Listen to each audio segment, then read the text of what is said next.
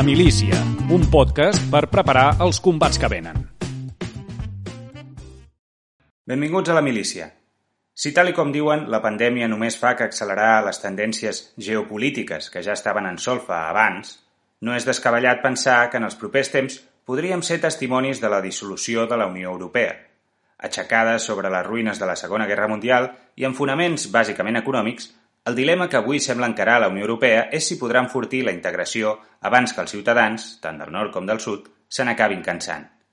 Avui hem volgut parlar amb l'historiador Carles Cirera, establert des de fa mesos a Brussel·les, al cor de la Unió, per tal d'aclarir com es podria produir aquest col·lapse, les raons més històriques i profundes i les que són més conjunturals.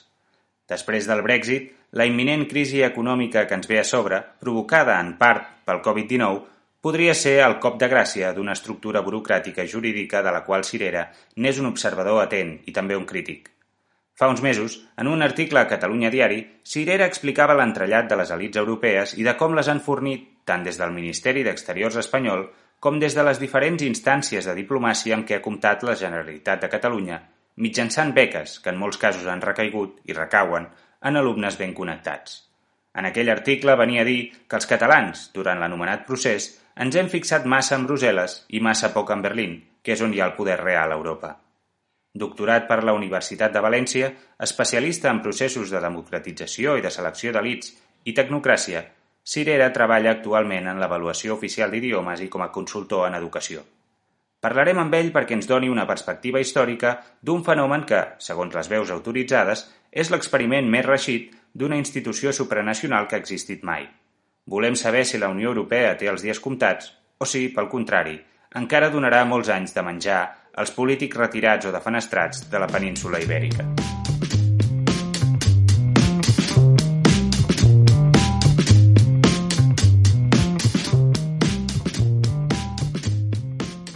Carles, benvingut a la milícia i gràcies per respondre a la nostra trucada. Hola, bona tarda.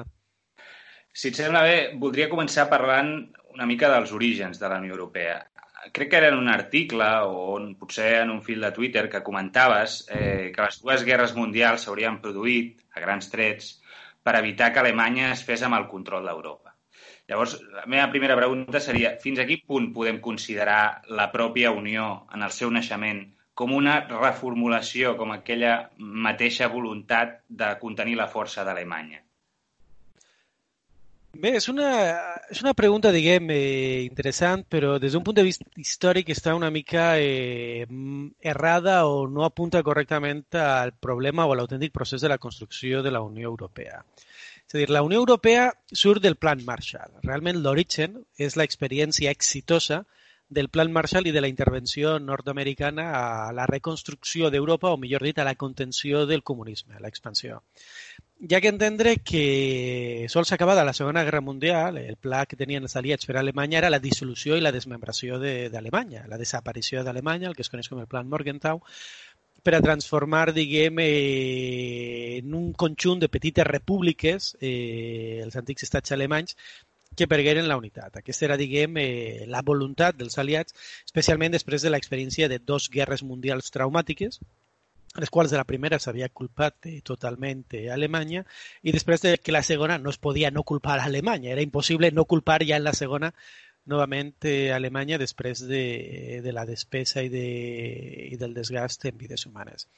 És en el procés, diguem, que va del 45 al 47 que aquests plans es comencen a torcer i, evidentment, és necessari geoestratègicament que Alemanya torni a tindre un paper. I el que és important, sobretot, és reconstruir Alemanya, reconstruir Europa i reconstruir Itàlia per evitar l'expansió dels partits comunistes i que realment els partits comunistes siguin capaços de capitalitzar l'èxit i, i el triomf d'haver derrotat el feixisme. Ha que dir que en molts d'aquests països els autèntics herois, els partisans, els que havien abanderat la resistència contra el feixisme eren eh, els partits comunistes, malgrat l'experiència col·laboracionista que hi havia hagut del període Molotov-Ribbentrop, això diguem que ja havia quedat oblidat, i els partits comunistes eh, abanderaven eh, la lluita contra el feixisme i la reconstrucció sobretot és en les eleccions eh, italianes, quan aquesta estratègia d'intervindre en els països europeus a través, diguem, de l'assessorament, el finançament dels partits,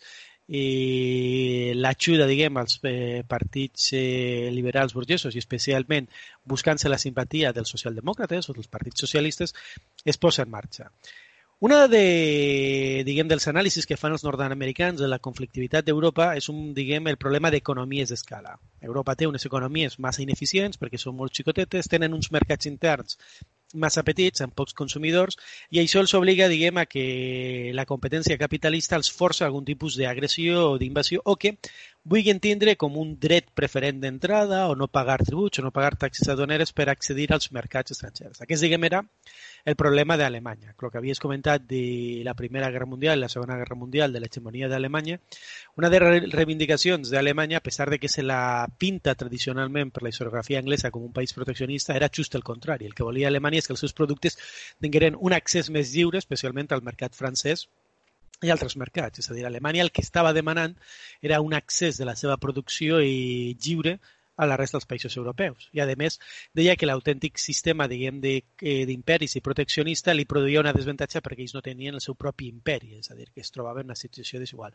Per tant, Alemanya sempre, en veritat, el que pulsava e impulsava o el que volia era una situació de lliure canvi total en Europa des d'abans de la Primera Guerra Mundial. És a dir, volia una Europa sense traves aduaneres i sense traves comercials. La qual cosa des d'Alemanya, eh, des de França, perdó, es veia molt de recel perquè, evidentment, des de França sabia que no tenien capacitat per a competir amb Alemanya i això es percebia diguem, com una política expansionista o imperialista d'Alemanya, que ha que recordar que si era un imperi, era un imperi europeu, un terreny europeu, diguem, diguem parts de, del que és l'actual Polònia, amb cert desig o certa tentació diguem, cap als països bàltics i cap a Rússia d'expandir de, les seves fronteres, és a dir, que si havia una Alemanya imperial no era en Àfrica, no era en Àsia, era dintre del territori europeu i especialment en Europa de l'Est, Rússia, el que sempre consideraven el seu camp d'expansió. Per tant, en aquest anàlisi de petits mercats eh, nacionals molt fragmentats, la idea dels americans és que hi ha que integrar l'economia europea. L'única forma d'evitar o rebaixar aquestes tensions, l'única forma d'aconseguir economies d'escala, una economia realment eh, industrial, productiva, que aconseguisca augmentar els nivells de benestar dels europeus, és a través de, de l'economia d'escala. I a més es troben en la situació de que les infraestructures eh, han estat utilitzades per la guerra, han estat destruïdes i hi ha que reconstruir les infraestructures hi ha que reconstruir les infraestructures, diguem, amb una idea ja de futur de la integració i de, de gestió d'Europa. Aquest germe, diguem, burocràtic de gestió, que és per cert on van estar els grans economistes de, de l'època keynesiana, ahí estan eh, Rostov, Galbraith, eh, no recordo ara, però crec que Samuelson també participa, Kindleberg, és a dir, grans de, dels grans pensadors economistes keynesians, o no post-keynesians, però diguem keynesians de l'època d'or, participen i tenen una implicació en el Pla Marshall. D'aquest element de gestor és on sortirà l'Organització Mundial de Comerç i d'Economia i la OCDE de desenvolupament i d'economia. Diguem, on sortirà el primer organisme internacional de gestió de les economies, d'integració de les economies, d'estudi de les economies per, diguem, estandarditzar-les, homogenitzar-les i aconseguir la seva integració. I és evidentment d'aquesta experiència exitosa, d'aquest germen, d'on sortirà, diguem, el projecte del de, Tractat de, de Roma i el projecte futur de la Unió Europea d'integrar les economies europees per a rebaixar les tensions. Però en més que, diguem, eh, mantindre, domesticar o mantindre Alemanya, sortís bàsicament per afavorir la reconstrucció europea i evitar que la situació de misèria i de pobresa eh, provoqui un avanç, diguem, dels partits comunistes. I al mateix temps se discutís, però és una estratègia de la política exterior nord-americana, per, diguem, eh, dividir el bloc de l'est, perquè hi havia països, com per exemple la Txecoslovàquia, que volien participar del Pla Marshall. És a dir, el Pla Marshall obliga a una reacció defensiva de, de les democràcies populars de replegar-se, tancar-se i trencar la, col·laboració, la col·laboració amb Occident, perquè senten que en Pla Marshall és un regal enverinat és, eh, Molot, eh, ai, sí, és Molotov el que té unes declaracions molt, molt interessants. A l'època deien que el Pla Marshall produirà una situació on tota la indústria vindrà dels Estats Units, tota la indústria cultural vindrà dels Estats Units i diu literalment que el que farà el Pla Marshall és que totes les pel·lícules que es veig que seran pel·lícules eh, nord-americanes, totes les pel·lícules que escoltarem en la, en la ràdio seran nord-americanes i que tota la cultura mundial, és a dir, anticipa la globalització que tenim avui dia o la globalització dirà, bueno, i al final serà que haurem acabat també el feixisme, per a construir un capitalisme global i un mercat global on els Estats Units serà el productor de tota la indústria, de tota la cultura i tindrà accés a tots els mercats. I, i ve a dir, no hem eh, lluitat aquesta guerra per a negar la sobirania nacional o per a negar eh, la nostra cultura o inclús la nostra identitat nacional.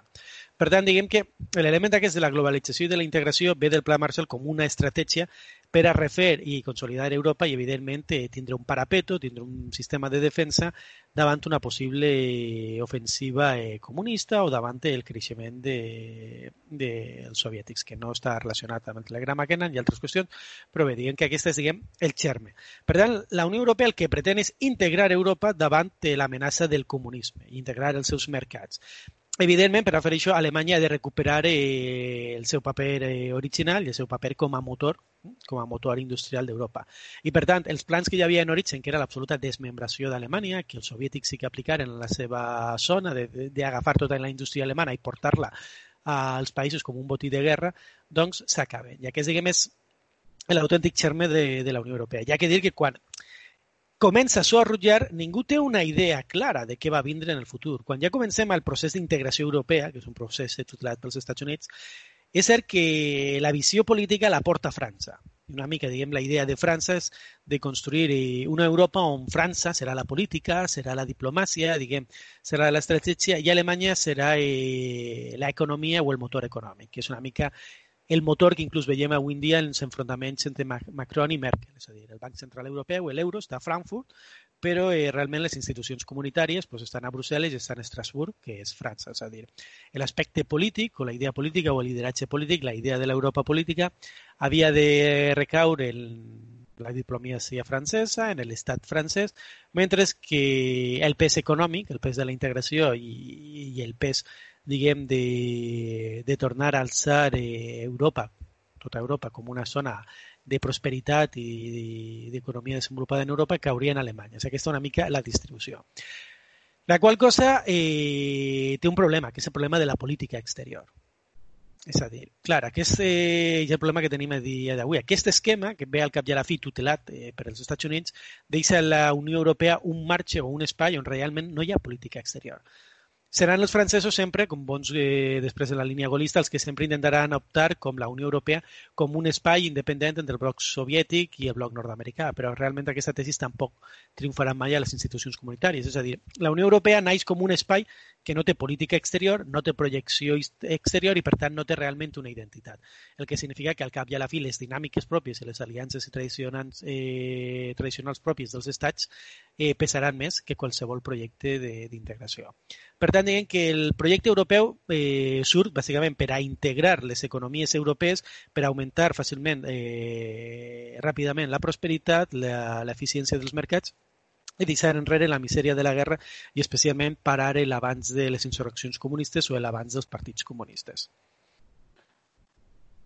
Sense sortir d'Alemanya, seguint amb, amb el tema, eh, tu també has comentat eh, en més d'una ocasió, a Twitter, en algun article, eh, que hi ha, i de fet, diguéssim, els fets eh, últimament amb, amb l'última sentència del tribunal, eh, dels tribunals alemanys, etc, eh, que hi ha un creixent moviment d'animadversió o fins i tot de rebuig de l'opinió pública alemanya respecte a la Unió Europea i que no seria d'estranyar que en un futur eh, més o menys eh, a mig, llarg termini, eh, Alemanya podria acabar abandonant l'euro i formar una lliga anseàtica.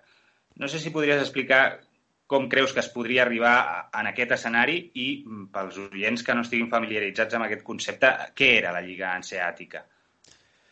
Bé, qui té les claus de la Unió Europea és Alemanya. Per tant, ells decideixen al cap i a la fi que entra, qui surt i quan s'acaba. Evidentment, la Unió eh, Alemanya no deixarà l'euro, vull dir, Alemanya ens traurà a nosaltres de l'euro. Podrem dir que en realitat el que farà és expulsar als altres països de l'euro.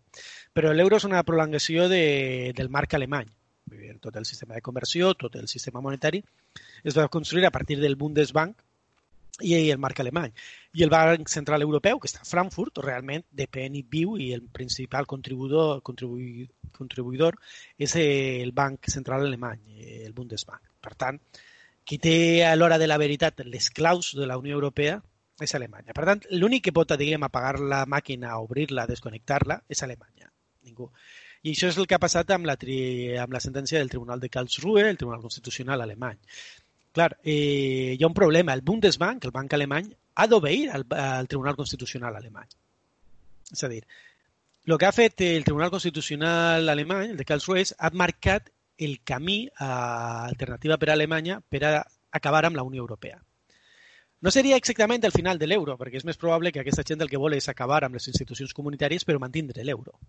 En aquest sentit, eh, reduir el pes de les institucions comunitàries no significa automàticament acabar amb l'euro.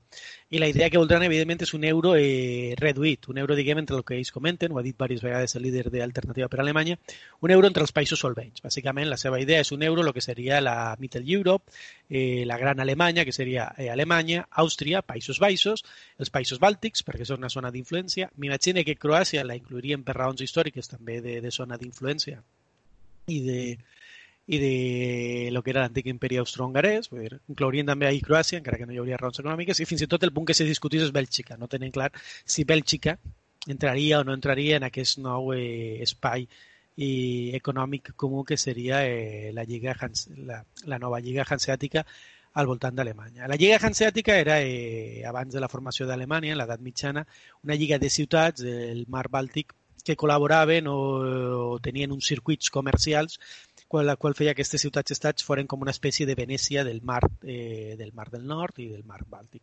Avui en dia s'utilitza per a referir-se a una institució que existeix, és la nova Lliga Hanseàtica, que és una institució que unís els petits països del nord europeu. Estan, si no recorde mal, els Bàltics, Països Baixos, Dinamarca també està, encara que no està en l'euro tècnicament, i evidentment reunís els països que tenen, diguem, eh, l'interès de mantenir les institucions comunitàries dintre del control, que no crisquen masses, massa, evidentment volen eh, retallar el pressupost comunitari, no volen ningun tipus de fiscalitat comú progressiva, i també, evidentment, se neguen a la mutualització del deute, és a dir, que són contraris a la integració de la Unió Europea i que la Unió Europea tinga que atendre a les demandes de, dels estats-nacions, dels estats grans, que serien França, Espanya, i Polònia i Itàlia serien com els eh, estats grans. I la Lliga Hanseàtica tradicional i històricament és una zona d'influència d'Alemanya, és a dir, encara que Alemanya, evidentment, és un estat gran, és l'estat gran més gran de la Unió Europea, l'enfrontament d'Alemanya amb Alemanya no hi ha, hi ha una eh, comunió d'interessos o hi ha una unió d'interessos. I també és això, la Lliga Hanseàtica és el mar Bàltic, són els països al voltant de, del mar Bàltic i el mar del nord, i per tant és zona d'influència, és la zona històrica eh, natural tradicionalment en la que Alemanya ha exercit diguem, algun tipus de, de domini o d'hegemonia. Però bé, diguem, eh, la Lliga Hanseàtica seria la lliga dels estats xicotets dintre de la Unió Europea que estan en contra d'una major integració i especialment del model de la Unió Europea que vol França, que és una, diguem, una Unió Europea que sigui com a plata, plataforma de la projecció de, de l'estat francès.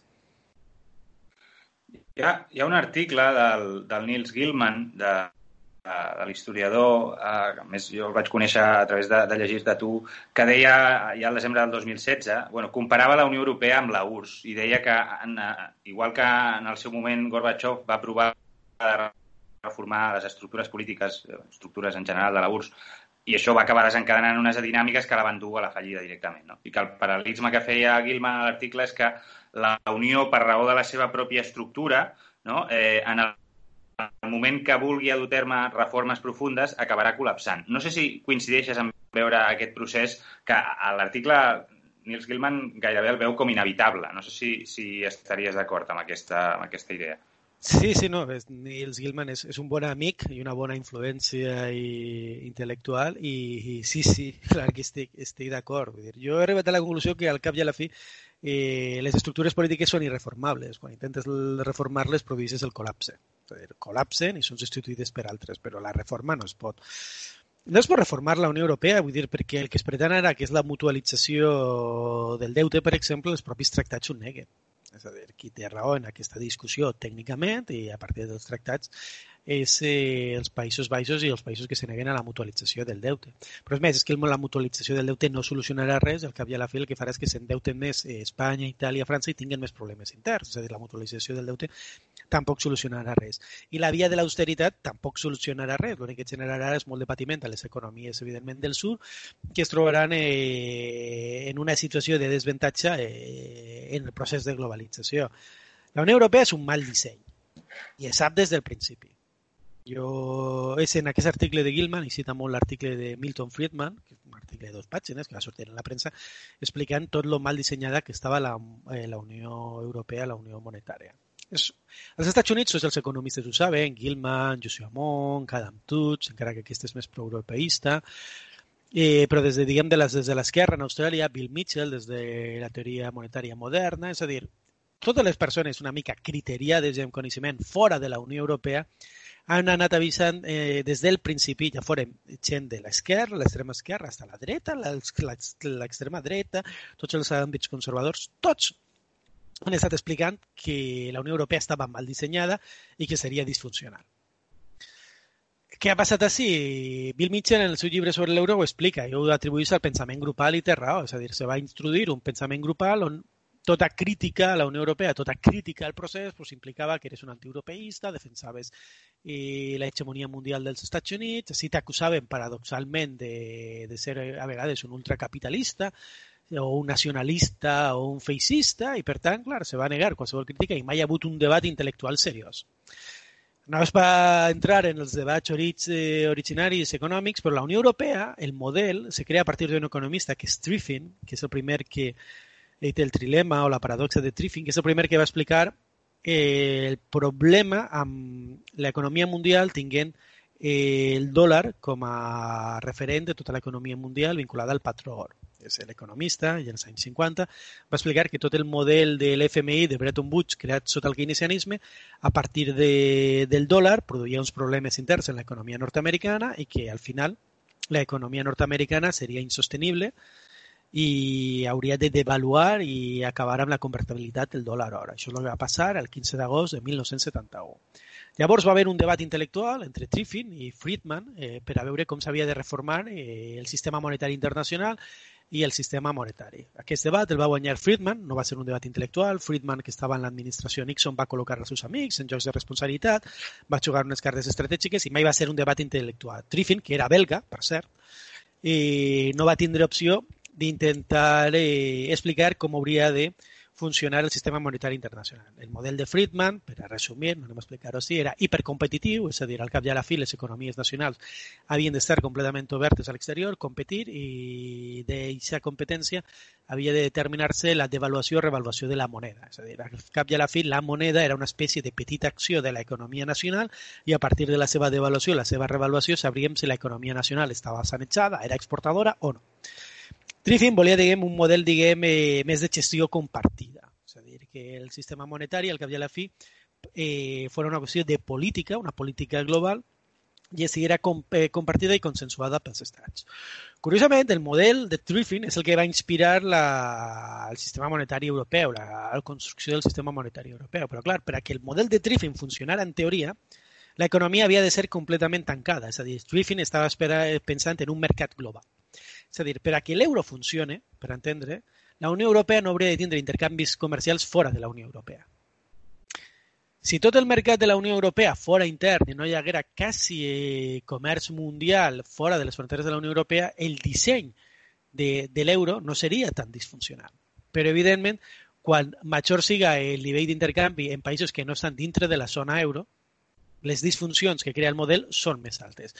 Evidentment, quan se comença a crear el disseny del sistema monetari europeu, estem encara en el keynesianisme i en la idea d'uns espais diguem, econòmics més protegits o no de la globalització i del consens de Washington de l'Organització Mundial de Comerç. El problema és que encara que el paradigma mundial i el referent mundial ha canviat, ja no és el keynesianisme, i és l'Organització Mundial del Comerç, i és el comerç Lliure Sense Fronteres, se continua desenvolupant un model que no estava pensat per a aquestes situacions. Un model que sols podria aconseguir la convergència de les economies europees, o diguem, no aconseguiria fer-les disfuncionals si la Unió Europea era un espai econòmic tancat en si mateix, el qual explica la política agrària comú i altres qüestions, diguem, eh, proteccionistes o planificadores que tenen la Unió Europea que no té cap sentit. És a dir, que la Unió Europea sigui un organisme disfuncional que combina a vegades el pitjor de la planificació econòmica, el pitjor del model soviètic i el pitjor del model eh, capitalista, és perquè es comença a crear i es gestiona a partir dels 70-80 en un procés de transició, de canvi de tota l'economia global, de tota l'economia mundial, de com estava funcionant, però amb unes polítiques i unes dinàmiques que venen de l'època de Bretton Woods. Per tant, diguem, és, eh, és un monstre, eh, és un monstre eh, disfuncional o és un Frankenstein creat en distints periòdics històrics sota distintes eh, influències que està sempre pèssimament adaptat per a les circumstàncies. Això ja ens podem clavar en qüestions més és, metafísiques o més intel·lectuals, com podria ser la qüestió del funcionalisme de Parson o tota la visió de la humanitat o de la societat que hi ha darrere dels models europeus, que sí, és cert, l'aproximen més a la Unió Soviètica i a la idea d'una intel·ligència eh, central capaç de coordinar els mercats i coordinar totes les decisions individuals que, evidentment, a models liberals de construcció de baix cap a dalt. Evidentment, la Unió Europea és un procés molt eh, top-down, de dalt a baix, eh, una gestió o en un nivell de planificació per gestió que a diferència damunt del model soviètic ni tan sols té capacitat realment d'executora, és a dir, és una qüestió, és un model de gestió a través de l'informe de la comissió que mai executa i mai pren decisions, és tot a través de recomanacions. Per tant, crea damunt eh, un nivell de, de disfunció, de burocràcia, de consells, que fa que a dia d'avui ningú dintre de les institucions europees sàpiga ni com funciona la Unió Europea ni conega aquest monstre, és a dir, és un monstre indigerible. Personalment, jo com he treballat a la universitat, eh, l'organisme burocràtic que a més me recorda la Unió Europea és una universitat, perquè les universitats són monstres burocràtics amb moltíssima gent, tots són experts, tots són gent extraordinàriament formada, tots tenen un doctorat, tots se creuen extraordinàriament intel·ligents, eh, hi ha uns suposats mecanismes de representació democràtic, però que en el fons són estamentals i corporatius, i al igual que la universitat ningú fa res. És a dir, eh, tot el món produeix una pseudoconeixement un coneixement sobre el món, que analitza el món, però que no tingui ningú efecte i amb el món. I eh, al igual que la universitat no tens ninguna capacitat realment executiva. És a dir, ets una institució que l'únic que pot fer és executar pues, edificis o executar obres. Però realment la Unió Europea eh, se podria equiparar, per entendre la, com la institució, amb un departament universitari i amb una universitat. Tens moltíssima gent, tens reunions, fent com que treballa, fent com que coneix el món, generant un coneixement, uns informes que en teoria han de produir algun canvi, han de tindre una repercussió, però realment les persones que prenen decisió no tenen ninguna capacitat executiva i no veuen ningú canvi de les decisions que prenen, el qual implica que no s'acaben prenent decisions que sí que tenen un gran poder. Decisions no executives, no és una acció que jo faig pensant en unes conseqüències, és la construcció d'un marc legal o d'un procediment legal que generalment no té tant una conseqüència, sinó que el que fa és que impedís que se puguen prendre unes decisions. És a dir, és això sí també és molt de la universitat, és realment una màquina burocràtica castrant, és a dir, el que fa és el que impedir prendre decisions e impedir prendre accions. És a dir, el que genera al final és eh, un espai de no decisió. Al final el que genera la Unió Europea és un espai on realment ningú sap qui pren les decisions, no se prenen les decisions, ningú sap qui és responsable de què, ningú sap a qui dirigir-se per solucionar res i el nivell de disfunció i de caos és, és extraordinari. És una cosa que és, a lo poc que la conegues i a lo poc que sigues una persona sincera i honesta, és difícil, difícilment defensable. Per tant, eh, si ens guiem pel, pel teu dibuix, diguéssim que és una, un disseny institucional disfuncional, eh, tant a nivell econòmic com, com burocràtic, i a més a més sense política exterior pròpia, pràcticament la pregunta seria, només falta saber eh, què serà, el, diguéssim, qui acabarà tirant, tirant a terra tot aquesta, aquest castell de cartes, no?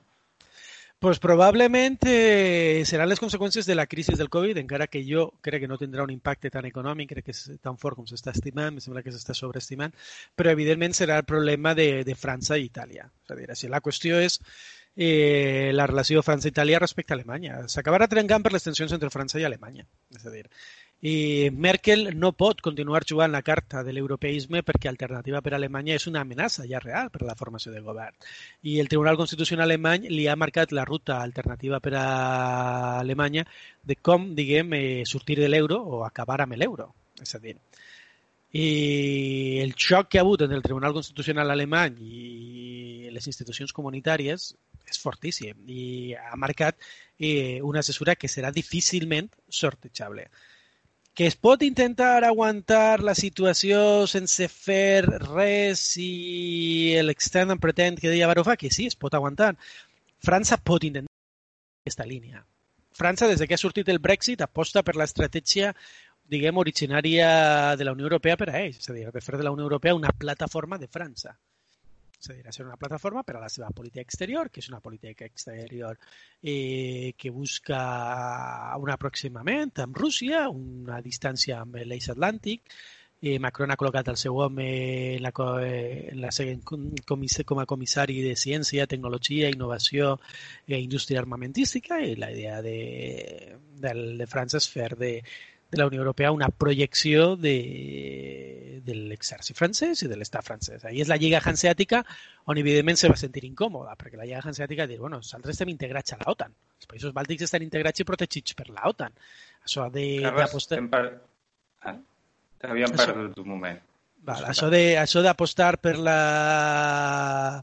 per la Unió Europea com un espai separat, vull dir, hi ha la tensió amb Rússia estratègicament. Vull dir, tenim el problema de Bielorússia que tard o d'hora Putin la va tornar a annexionar i incorporar a Rússia.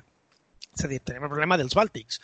Els Bàltics, aquesta idea de França com una gran potència militar amb la Unió Europea eh, amb una entente cordial amb Rússia no els entusiasma, ells preferen, eh, prefereixen eh, la post-atlàntica i, i, i veure els Estats Units i la OTAN, però també, clar, així està la situació de Trump i la seva sortida d'Europa i de l'eix atlàntic. Per tant, així està la qüestió del futur de la OTAN, si continuarà o no continuarà la OTAN. Si la OTAN desapareix, les probabilitats de viabilitat de la Unió Europea i del pla francès augmenten. Eh, si hi ha un canvi a la Casa Blanca i la OTAN es torna a reforçar, doncs difícilment els països bàltics o Polònia apostaran per, per aquest projecte francès una veu pròpia, eh, separada i independitzada al món. Això és la qüestió, diguem, estratègica. Però tot i això, vull dir, té una factura, té, un, eh, té uns costes que Alemanya no va assumir, és a dir, no va haver mutualització. Eh, continuar a la Unió Europea voldrà dir sí o sí que Itàlia i Espanya hauran de fer sacrificis i hauran de baixar el seu nivell de vida i evidentment significa que això en Espanya encara no s'entén que es va acabar amb la sanitat pública, se va anar a un model de mútues, de, de segurs privats, que és el model que hi ha a Alemanya, és el model que hi ha a Bèlgica, és el model de Països Baixos, i la gent a Espanya no ho sap, però les retallades en pensions que ha hagut a Bèlgica, que ha hagut a Alemanya, que ha hagut a Països Baixos són altíssimes. Espanya, diguem, que tots els retalls els ha pres una generació, però l'altra generació no, no ha pagat eh, la factura de la crisi, mentre que aquests països, eh, els que varen pagar l'impacte de la crisi, varen ser la generació dels pensionistes. Per tant, no hi ha encara una idea, una consciència d'Espanya de fins a quan se van a baixar les pensions. No s'entén. I, evidentment, també té que veure amb tancament d'universitats, és a dir, té que veure amb reconvertir el país en la Florida d'Europa i transformar-lo en un país que siga pro proveïdor de, de turisme i serveis i poca cosa més. Està passant, però no hi ha encara una consciència clara d'on porta això o de les despeses. Els polítics extenen pretén, ho intenten gestionar i ho intenten amagar, però aquesta línia és eh, imparable i va ser cada cop més forta. I Itàlia, que encara, diguem, ha tingut eh, una entrada en, eh, a l'euro pitjor, és a dir, el país que pitjor li ha sentat l'euro de tota la Unió Europea, més que a França, és a Itàlia, i a Itàlia a dia d'avui, clar, els euroscèptics estan a punt de guanyar en majoria absoluta les eleccions. És a dir, Itàlia, que havia deixat eh, miraculosament de ser un problema fa un mig any, pues, tornarà a ser un problema en les properes eleccions. És a dir, Itàlia, jo quan parlo de la gent, tot el món me diu Espanya mai sortirà de la Unió Europea perquè és un país que no ha participat en una guerra mundial, no té ningun tipus de lideratge, no té ningun tipus d'orgull i els seus dirigents eh, són completament apocats i fan sempre el que diu Brussel·les però tot el món diu que els italians no són el mateix. És a dir, que tu pots tindre ara eh, italians convençuts, europeistes, però que si veuen que la Unió Europea no canvia, que no hi ha forma d'arribar a una entente, aquests, diguem, eh, italians pesos pesats que són europeistes i que han cregut i han participat en la Unió Europea poden passar a ser euroscèptics, que ja ha passat. És a dir, en Itàlia sí que pot haver de part de les seves èlits una reconversió a l'euroscepticisme, que al final entenguen que bé, ho hem intentat tot, hem intentat arribar a algun acord, però això no és possible i hi ha que intentar la sortida de l'euro i trencar en l'euro. És a dir, l'altre punt de fractura clar és Itàlia i si la gent té més por a, a Itàlia, evidentment, que, que a França. Hi ha que entendre una gran diferència, això ho comentava Dom Tuts en un article, una gran diferència entre Espanya i Itàlia és que les èlits italianes no s'han beneficiat de la integració europea. És a dir, les èlits italianes estan igual o pitjor que quan entraren a l'euro. Per al contrari, les èlits espanyoles s'han beneficiat molt de la integració de l'euro les grans empreses, però a més les grans fortunes espanyoles, amb la globalització i l'entrada de l'euro, s'han beneficiat moltíssim. Però aquest impacte positiu per a les èlits, per a les èlits italianes, eh, no s'ha viscut ni, ni s'ha sentit tant. Per tant, és probable o és possible que al final hi hagi un bloc compacte nacional en Itàlia per, per a sortir de la Unió Europea i aquest problema eh, es tornarà a plantejar quan hi hagi eleccions a Itàlia. Per tant, el punt de fractura pot ser Itàlia. Clar, mentre França i Alemanya facin un bloc comú i una unió conjunta, la Unió Europea podrà, diguem, minimitzar o evitar que la ruptura d'Itàlia s'expandisca, però Alemanya no pot cedir, perquè al poc que cedisca a Alemanya, alternativa per a Alemanya, eh, se beneficiarà o se creixerà de sessions. Per tant, tot de la capacitat de l'entente cordial o de la connexió que pugui haver entre l'eix eh, París-Berlín per a manejar la, gestió, la gestió italiana. Però l'euro i la Unió Europea, tal com la coneixem, no va aguantar 4 o 5 anys. És a dir, en 4 o 5 anys Itàlia sortirà fora. La capacitat de gestionar això de les institucions europees, veurem, probablement les institucions europees jo crec que ja s'estan preparant per a una sortida el menys traumàtica possible d'Itàlia.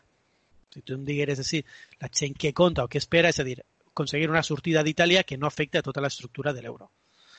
Però això és fàcil de dir, ja s'ha gestionat el Brexit, millor o pitjor, però evidentment una vegada eh, passe amb Itàlia serà difícil que això no s'extenga a altres països, especialment Espanya.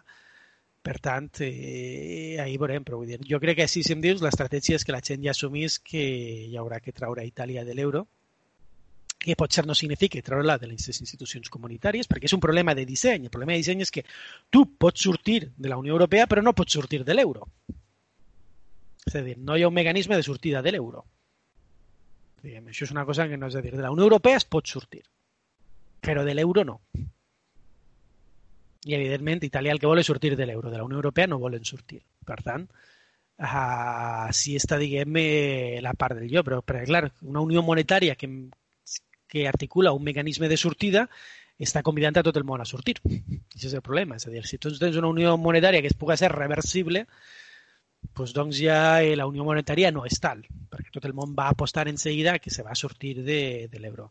Per tant, clar, el problema és com se gestionarà el conflicte d'Itàlia. D'on s'acabaran prenent les decisions? On, diguem, acabarà el que es diu el Gorbachev, els impulsos que faran canvis? Sortiran d'Alemanya perquè és l'únic lloc que té poder. Ara, quan deies això, eh, m'ha fet pensar també en, en la teva intervenció en un documental a TV3.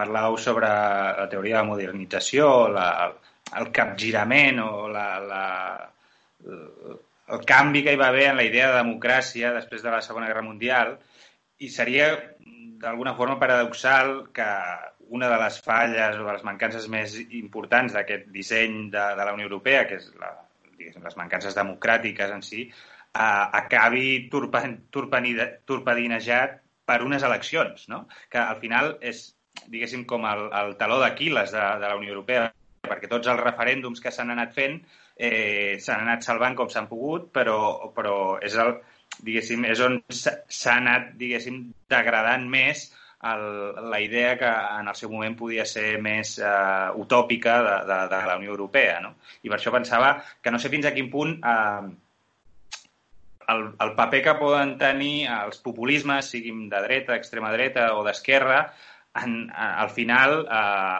en, en el bueno, en el desmembrament o en el final de, de la Unió Europea, que, que al final, és una mica el que apuntaves també al final de la teva intervenció al documental, que deies que això s'acabaria resolent de forma democràtica, ens agradi o no.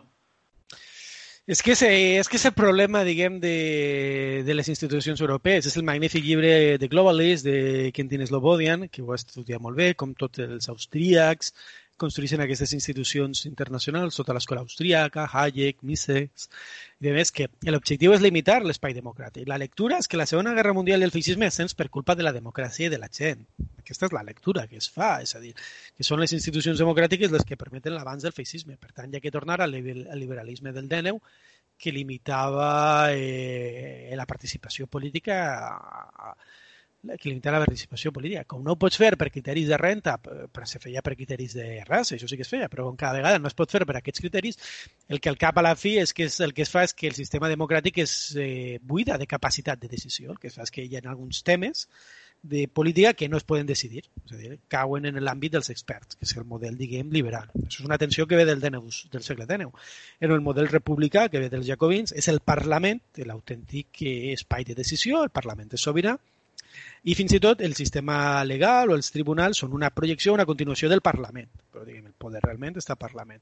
D'ací ve tota l'elaboració de la doctrina, que això és l'origen de la democràcia totalitària, que no hi ha límits, mentre que en el model liberal és el rule of law i és el Tribunal Constitucional o el Tribunal Suprem el que posa límits a la sobirania popular i és el que limita l'espai de decisió perquè és el tribunal i on estan els savis que realment entenen què són els drets, realment entenen on comença el dret de la propietat, on acaba el dret de la llibertat, i entenen aquests conflictes de drets. Aquest és el discurs, diguem, oficial.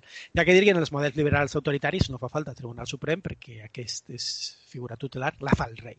En el model del liberalisme doctrinari de Benjamin Constant no necessites ni Tribunal Suprem ni Tribunal Constitucional perquè aquest paper el fa el rei directament. És la figura tutelar que limita la sobirania popular. Clar, i després de la Segona Guerra Mundial, eh, aquestes, diguem, institucions eh, castrants o limitadores de la sobirania popular o garantistes eh, que protegissin els drets de la minoria contra la majoria, la minoria dels rics contra la majoria dels pobres, s'han de dibuixar perquè són organismes institucionals internacionals. I a més són organismes eh, dirigits i gestionats per experts que tenen, tenen una pàtina de neutralitat, tenen una pàtina d'objectivitat i per tant no són partidistes polítics. Al cap i a la fi, tots els nostres models eh, no deixen de, de repetir una espècie de qüestions metafísiques, una llei de Déu, una, unes lleis naturals, uns drets civils, que interpreten, se suposa, uns experts, ja siguin els juristes o ja siguin després a vegades els economistes, és a dir, són un, una quantitat de conceptes que creiem científics, però no deixen de ser metafísics, que interpreten uns experts, eh, uns arcanos, i que ells eh, prenen les, diguem, els límits o condueixen les decisions correctes. Al cap i a la fi, nosaltres nos creiem molt diferents i molt superiors a, una, a un país com Iran i diguem, ah, és una teocràcia religiosa. Però en Iran, el que tenen en lloc de 12 magistrats de de, de prestigi reconegut, el que tenen és a 12 clèrics, a 12 religiosos que són capaços d'entendre la llei de Déu. Nosaltres substituïm els 12 religiosos per 12 jutges o 12 magistrats, 12 experts en drets, però al final el que fan és el mateix, és interpretar unes qüestions metafísiques i posar els límits de la sobirania popular. Nosaltres ho justifiquem a partir d'uns mecanismes de racionalització, d'argumentació, de, de discussió, de debat públic, que en teoria fan tot el procés més públic, més transparent, més obert, més racional, però a l'hora de la veritat és una qüestió de valors i de principis. Al final són prioritats polítiques i són valors morals. És a dir, no és una discussió científico-tècnica, és una discussió de valors i de principis. Què, què és la prioritat? La, la igualtat, la llibertat, la propietat privada, és a dir, són valors. I a partir d'ells hi ha que gestionar quin és el prioritari. Evidentment, no es pot arribar a un acord consensuat sobre aquests valors, perquè aquests valors a vegades entren en contradicció i aquestes contradiccions, decidir en quin moment la societat creu quin és el valor prioritari sol se pot fer democràticament perquè no és una discussió científico-tècnica, no, no, no es pot arribar a una conclusió, perquè no hi ha conclusions bones, no hi ha solucions, de les, no hi ha eh, decisions de les quals conegam eh, les seves conseqüències, per tant, a la fi és una qüestió de principis, és una qüestió de voluntat política i d'acció política, i evidentment aquesta voluntat i aquesta acció política, per molt que parlem de democràcia deliberativa de Habermas, per molt que parlem de discussió, al final és una confrontació política on algú haurà de demostrar que la seva visió i els seus valors són els majoritaris i, per tant, estan legitimats.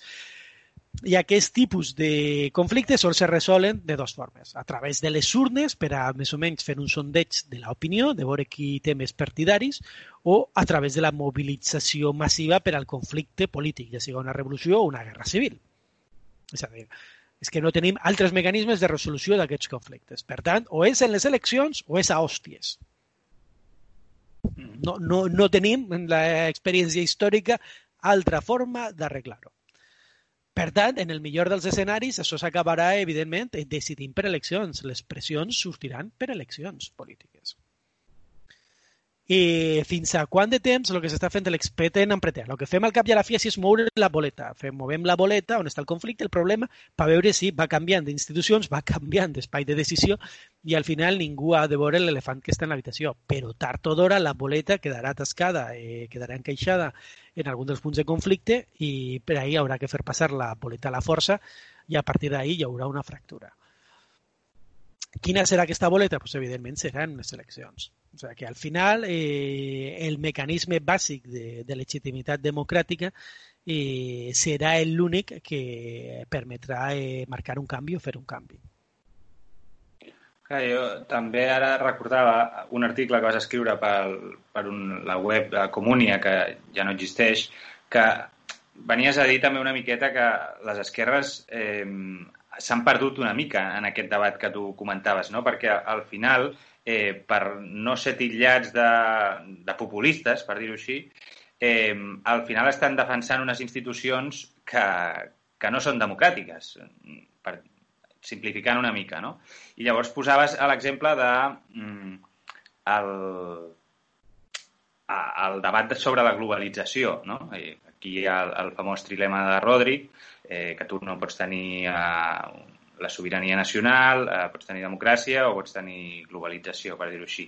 I, I tu deies que des de les esquerres ens hauríem d'enfrontar a, a, al lliure, a la lliure circulació de capital, eh, treballadors i mercaderies, i això mm, era l'única manera d'evitar que els populismes de dreta o d'extrema dreta, diguéssim, eh, guanyin aquesta, aquest, en aquesta última, en aquest conflicte no? que s'està preparant, per dir-ho així.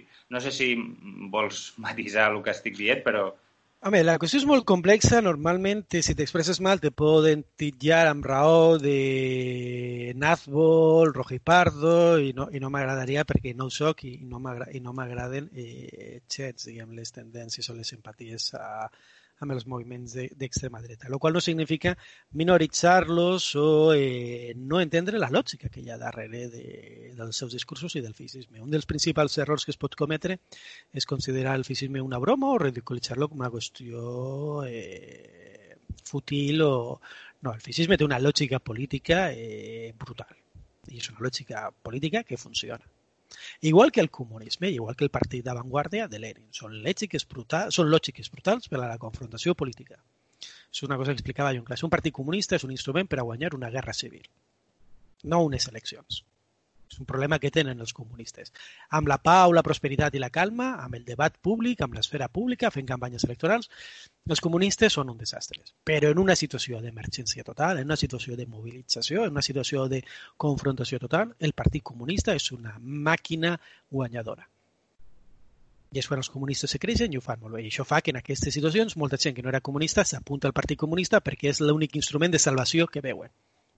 I no estic equiparant comunisme i feixisme perquè no són el mateix, malgrat que el comunisme pugui ser una lògica d'una gran violència política, no té ningun tipus de respecte, respecte i consideració per als drets humans les garanties processals, això és cert, però no és el mateix que el feixisme. Però és un instrument d'acció política directa, organitzada i molt brutal. Per tant, estem parlant de coses que no són xoguines. Estem parlant de, de conflictes forts. El problema és que al final s'arriba a un punt que les boniques paraules eh, no desatasquen la situació, no desentranquen, perdó, la situació, no aconsegueixen avançar-la. I és quan aquests mecanismes de confrontació funcionen. Com podem parar o quin problema tenim l'esquerra, diguem, per parar al feixisme? L'esquerra està dividida en dos almes. Això ho va veure molt bé Emil Durkheim. Va ser el primer que ho va detectar molt bé. Què som? Una esquerra que està preocupada, diguem, per la racionalitat, pels resultats. És a dir, és una esquerra que vol un progrés econòmic, material, i Durkheim va veure els socialistes, el que després serien els comunistes, són racionalistes i materialistes. El que venen a dir-nos és que el seu mode d'organitzar la societat és més eficient que el capitalisme. Però no estan dient que el seu mode d'organització de la societat tinga uns valors morals necessàriament diferents al capitalisme. És a dir, és el problema de, de com va caure la Unió Soviètica i com va caure eh, la pròpia URSS amb el model de Khrushchev i després amb Brezhnev. Si el comunisme pretén eh, lluitar i competir amb el capitalisme donant més prosperitat i benestar material, doncs no, va acabar perdent.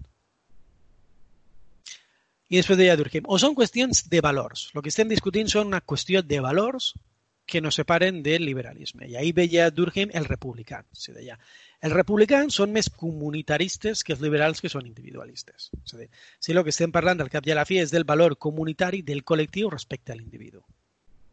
Per tant, així hi ha una tensió d'individu-col·lectiu, individu-comunitat. A dia d'avui, l'esquerra s'ha, evidentment, individualitzat. Els valors col·lectivistes i els valors comunitaristes s'han dissolt.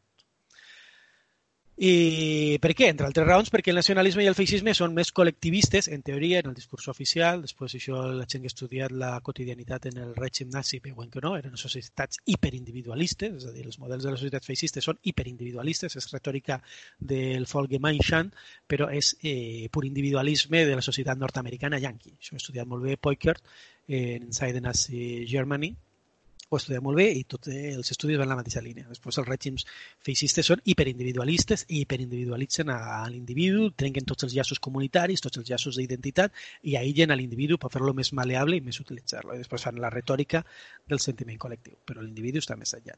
Però bé, diguem, tenim aquest problema. Evidentment, si és una esquerra individualista, és una esquerra, diguem, del plaer sense límits, la llibertat sense límits, i això se'ns va acabar en el liberalisme, i no tens ningú element identitari. I després, l'altra cosa que atravessa l'esquerra és la qüestió de l'universalisme i el localisme. L'esquerra té un fort component universalista. Evidentment, molt més fort en els discursos socialistes i comunistes i menys fort en els republicans. Però este universalisme, evidentment, al cap i a la fi, fa que caigués en el liberalisme perquè el liberalisme és universalista també. Per tant, si eres universalista, al cap i a la fi vas a ser eh, defensor de la globalització i la postura lògica és defensar eh, la lliure circulació dels tres factors. Jo hauria de dir que a mi la lliure circulació dels tres factors anarcocapitalista, dic, pues mira, no me semblaria tan mal si treballs, mercaderies i, i si capitals pogueren circular realment lliurement, no em semblaria tan mal. El problema és que això és cinisme, perquè no passa. És a dir, una lliber... un quilo de cafè té més llibertat de moviments que un ésser humà. És a dir, aquest model mai s'aplica. El factor treball i les persones no tenen aquesta llibertat de moviments, perquè se dissenya precisament la globalització per a que no tinguen aquesta llibertat i per a que siguin fàcilment, diguem, empleables a salaris més baixos. És a dir, la globalització està pensada per a que realment no s'arriba a aquesta triple llibertat de, de circulació dels tres factors. Per tant, això no se dona, és cínica.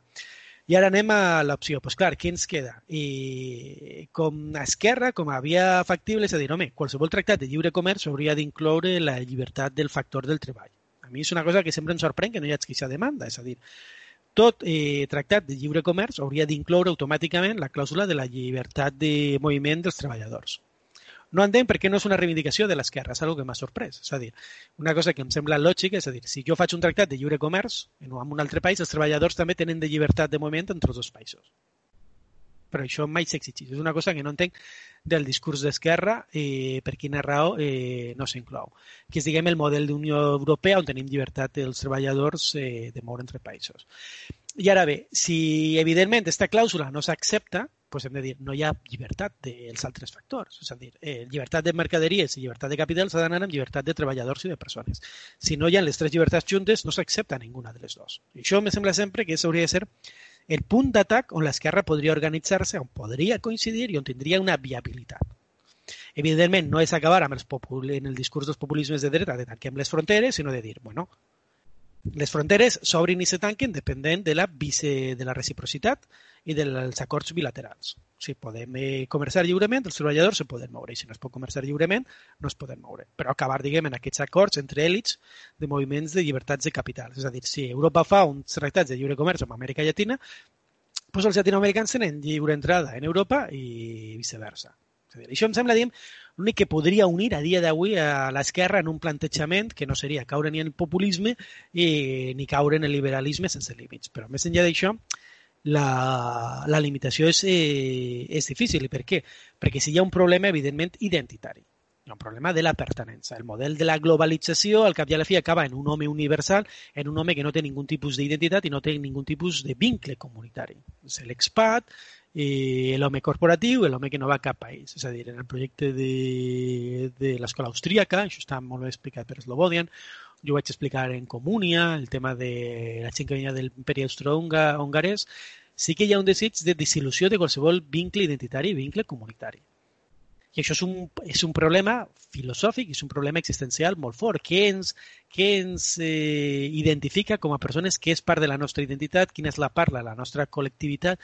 Quina és part del que ens sentim eh, units, a què ens sentim units? I això, evidentment, hi ha unes coses que no són racionals, són les qüestions que tenen que veure amb la vinculació familiar, amb la nació, amb la pàtria, i amb que té molta importància. Qui són els teus i per qui te sacrificaries tu? És a dir, quin, qui és el teu col·lectiu i qui és la gent per la que tu te sacrificaries i per la que tu lluitaries. El model liberal que s'ha construït, la narrativa liberal que s'ha construït després de les botxeries, de les dues guerres mundials, és que no se tindre cap vincle. És a dir, l'heroi és el refugiat, el que fugís, el que considera que tots estan botxos, han decidit matar-se i al cap i a la fi no pren partit i fugís. Clar, això pot quedar molt bonic, però si això ho tractem eh, d'una persona eh, en meitat de la Segona Guerra Mundial, pues clar, dic, això és un col·laboracionista? El que fugís quan els nazis estan invadint el teu país perquè no vol prendre partit, és una botxeria? què és? Un heroi? És un col·laboracionista? Quina, quina figura moral realment? És a dir, hi ha en algun moment on el sacrifici o la defensa d'aquesta identitat col·lectiva, comunitària, fa a un nivell eh, més exigible, més sacrificable. Això és una obra de teatre magnífica, San Juan, de Max que tracta aquest tema. Max li, li apassionava. I és un tema, diguem, que, de clar, des del discurs de l'esquerra sempre ha sigut el del sacrifici una de les coses que a mi me sorprèn o d'aquesta òptica liberal és que, en molts discursos d'esquerra de no, tots estan botxos, no t'has de sacrificar. I com, no? Teòricament el discurs de l'esquerra era el del sacrifici per la col·lectivitat. S'esperava que se pot discutir, pot ser més o menys tòxica la figura heroica o èpica, però se suposava que del compromís d'esquerra s'esperava aquesta sensació de reivindicar el llaç, reivindicar la solidaritat i, per tant, s'esperava el sacrifici. Si des de l'esquerra hem fet bandera de la dissolució d'aquests vincles, de la defensa del refugiat, del que no pren partit, com la postura més sensata, més moderna i més progressista, doncs, digui, doncs, doncs no hi ha solidaritat, és que doncs no hi ha acció col·lectiva, no tenim possibilitat de lluita. Vull dir, si des de l'esquerra agafem aquest discurs de la llibertat individual, que uno és eh, lliure per a buscar el seu benestar i la seva felicitat sense límits, sense preocupar-se de les conseqüències respecte dels demés, doncs això no és un discurs d'esquerres. Això ja no vull entrar en l'afusellament de cert periodista en algun llibre que va fer sobre alguna certa trampa d'alguns articles meus, no vaig entrar en aquesta qüestió, però evidentment si assumisses este individualisme com a mantra o com a part d'un discurs d'esquerra, que està molt vinculat al multiculturalisme i a aquest cosmopolitisme de restaurant exòtic, doncs, evidentment no tens solidaritat i no tens acció col·lectiva. I això és una altra part que no ens agrada reconèixer. L'acció col·lectiva i la solidaritat és una mica mafiosa, és una mica de coacció, és una mica de coerció, és a dir, no sols eh, se construeix a partir dels sentiments nobles i de l'aspiració, també se construeix a partir de que els covards i els col·laboracionistes tinguen por de ser covards i de ser col·laboracionistes. És a dir, hi ha, mm. hi ha una doble façana o hi ha una doble vertent que no es pot negar. És a dir, al col·laboracionista i al covard se l'ha de castigar. Mm -hmm. bueno, ara, ara pensava en un llibre, eh, no me'n recordo del seu autor, que parla una mica de, dels, del comportament dels soldats en, en un front i que deia que el, la majoria, quan els encastaven sobre què els impulsava a, a diguéssim, a agafar l'arma i sortir disparats cap a l'enemic, deien que bàsicament era el sentiment de, entre uh, de col·lectiu, és a dir, de defensar els meus i també de, de culpabilitat en el sentit de que no vull que ningú li passi res per culpa meva, no? És a dir, una mica és, és aquest l'esquema que, que estaves dibuixant, no? Clar, però és, eh, és lleig, perquè són coses de conflicte. Però és que el problema, diguem, de, és que és d'una esquerra que té por el conflicte. I jo ho entenc, és molt fàcil parlar, ho vaig dir al documental de, de TV3, que alguns membres d'Iniciativa per Catalunya van fer-me una campanya de desprestigi intentaren manipular-lo i dir tonteries sobre el que deia.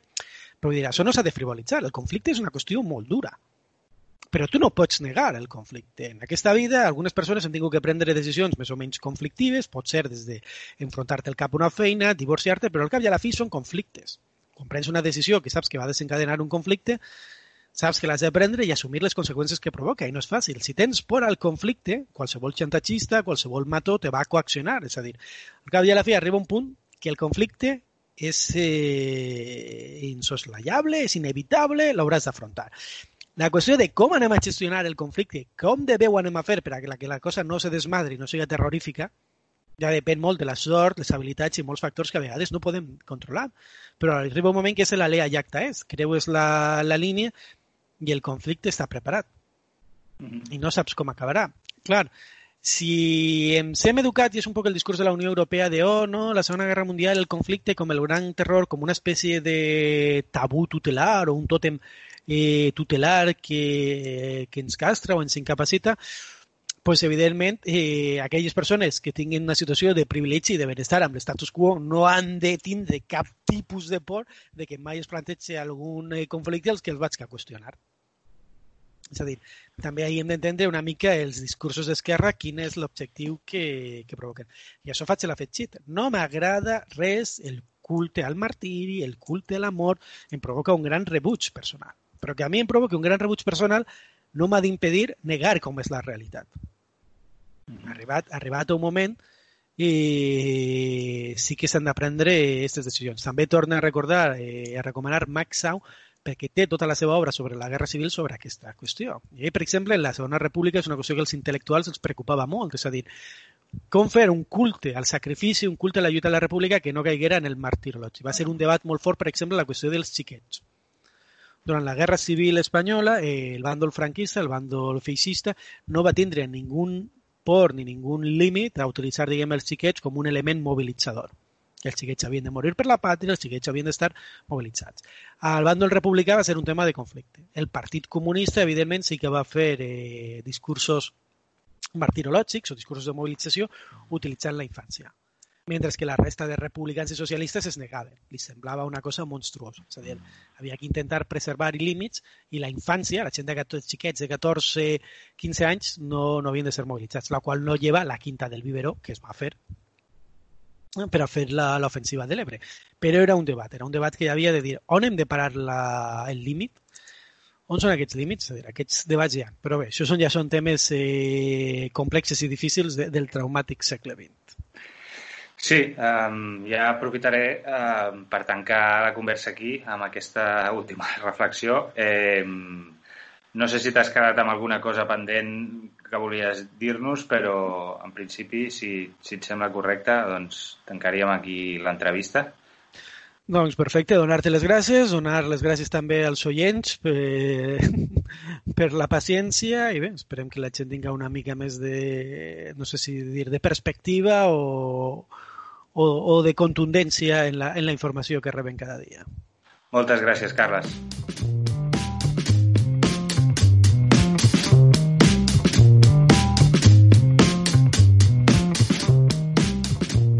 La milícia, amb Josep Asensio.